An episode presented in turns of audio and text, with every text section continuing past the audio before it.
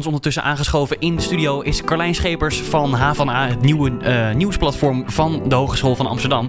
En Carlijn die heeft al het nieuws meegenomen van de Amstel Campus. En nou ja, daar is ze dan. Jee, hallo.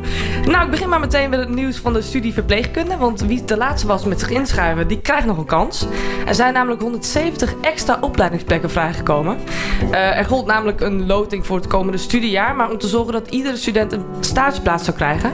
Nu zijn er toch meer stageplaatsen dan dat ze hadden verwacht. Dus kunnen er nog 170 extra mensen bij komen. Oké, dat is mooi nieuws. Ja, ze kunnen zich nog tot 1 mei inschrijven. Tot 1 mei, nou dat is uh, ruim de tijd lijkt me. Zeker, zeker. Uh, het andere grote studentennieuws kwam van Duo. Uh, Duo blijkt namelijk reisgegevens van studenten in te zien... om te checken of je wel echt recht hebt op een uitwonende beurs. is dit nou eigenlijk privacy schending of vinden de mensen net al terecht dat dit van ondergeschikt belang is? wij gingen de straat op en we vroegen het HVA-studenten. Dat is een beetje raar, want het is toch wel je privacy. Dus kijk, ik vind niet echt dat ze checken waar ik woon, maar waar ik naartoe ga en waar ik ben, dat vind ik toch wel... Vervelend. Ja, eigenlijk. Ja, ja. Vroeger stond het gewoon in de telefoongids. Ja, dat klopt. Maar alsnog, dat, niet veel mensen namen de tijd om een telefoongids te gaan pakken en je random te gaan opzoeken. Uh, jongens, wat vinden jullie? Mag uh, Duo checken waar jullie in en uit checken? Ja, nu moeten we toch een klein dingetje gaan... Uh, gaan ja, zouden wij wel een mening over gaan, gaan hebben. toegeven. Want Daaf die, die is nog geen student. Dus die heeft nog geen studenten-OV.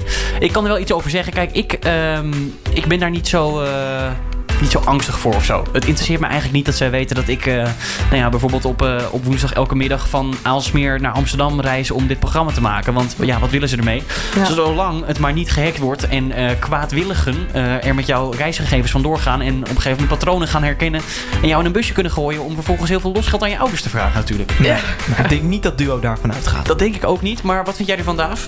Ja, ik heb er persoonlijk niet zoveel moeite mee, maar het lijkt me ook niet echt nodig. Nee, dat is inderdaad ook de vraag, want waarvoor is het? Het heeft te maken met die huisvesting, hè? Ja, klopt. Want er zijn veel studenten die dan uh, daarmee frauderen. Zeggen dat ze uit, uh, uitwonend zijn en daardoor krijgen ze een extra beurs. Ja, als je uitwonend bent, krijg je een veel hogere beurs dan wanneer je thuis woont. Vroeger, hè, want tegenwoordig is de basisbeurs natuurlijk afgeschaft. Dus het gaat alleen om die studenten.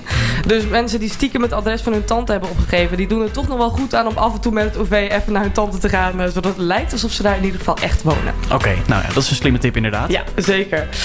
en dan Daryl Landbrug, gastdocent bij de Mino Jongerenwerk. Hij sprak afgelopen december bij het evenement Dear White HVA uh, over niet wit zijn op de HVA.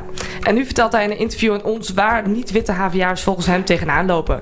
Zo worden ze vaak onderschat of krijgen ze te maken met rare opmerkingen. Uh, hij vindt dat de HVA meer moet doen voor niet-witte studenten om te zorgen dat ze gehoord worden. Maar um, hij zegt dus dat hij, dat hij soms rare opmerkingen krijgt of dat hij gelijk al een soort van minachtend wordt behandeld. Um, heeft, dat, heeft dat te maken met docenten of met medeleerlingen? Nou, dat, hij vindt eigenlijk met allebei, maar hij vindt het wel belangrijk dat de docenten nou ja, op een andere manier ermee omgaan. En dat, ja. ze eigenlijk, omdat er ook meer diverse docenten worden aangenomen. Oké, okay. dat is nu niet zo op de HVA. Is het uh, redelijk wit hier?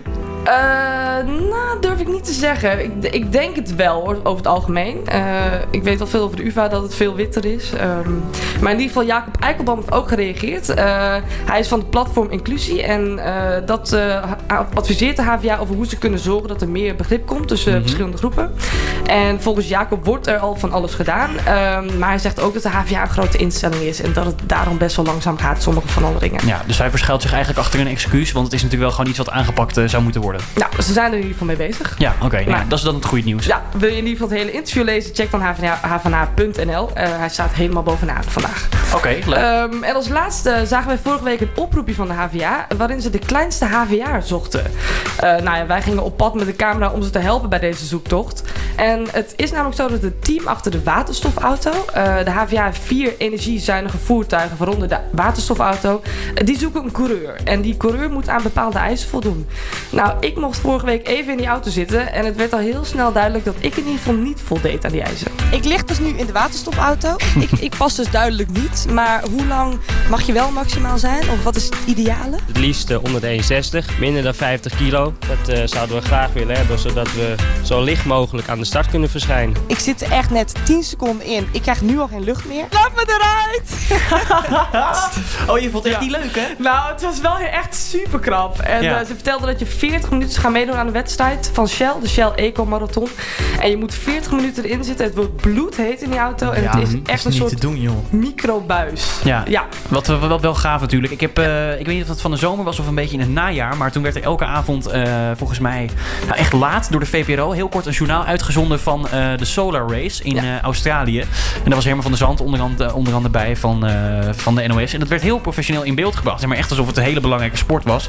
Dat vond ik op zichzelf vond ik dat grappig. Maar vond ook stiekem toch wel leuk om te zien hoe die Nederlandse teams daar dan eh, presteerden. Ja. En eh, nou ja, misschien dat we ook wel meer gaan zien van deze waterstofauto's dan. ja, want in 2014 hebben ze gewonnen. Toen zijn ze wereld of Europees kampioen Heeft de geworden. HVA toen gewonnen? Ja, ja, dus, Geweldig. eh, ja, dus wil jij de nieuwe Och, wat zitten we op een geweldige school. Ja, toch echt nou wel. Nou je moet in ieder geval kleiner zijn dan 1,60 meter en lichter dan 50 kilo. Dan En vallen wij alle drie af, ben ik bang. Ja, Ja. Ik, ik sowieso. dus op hvda.nl kun je zien hoe je dan aanmeldt als je wel eraan voldoet. Oké, helemaal top. Weer een hoop leuks te lezen en te bekijken op havana.nl. Dus Carlijn, dankjewel voor je tijd. Leuk dat je er weer was. Ja.